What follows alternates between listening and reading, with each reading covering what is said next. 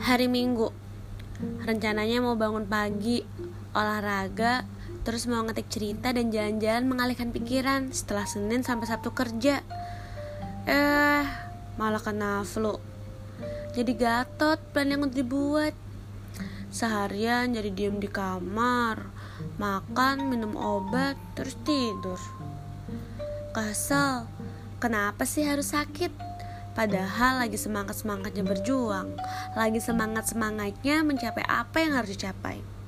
Mau nulis jadi gak bisa nulis karena kepala pusing. Mau mikir jadi gak bisa mikir karena demam. Huh. Sambil lihat kaca terus bilang Sembuh dong, sembuh.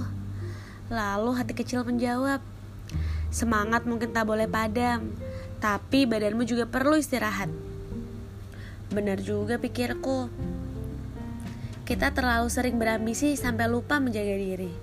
Makanya Tuhan kirimkan sakit biar kita punya waktu istirahat dan bersyukur masih ada di bumi dengan oksigen yang gratis.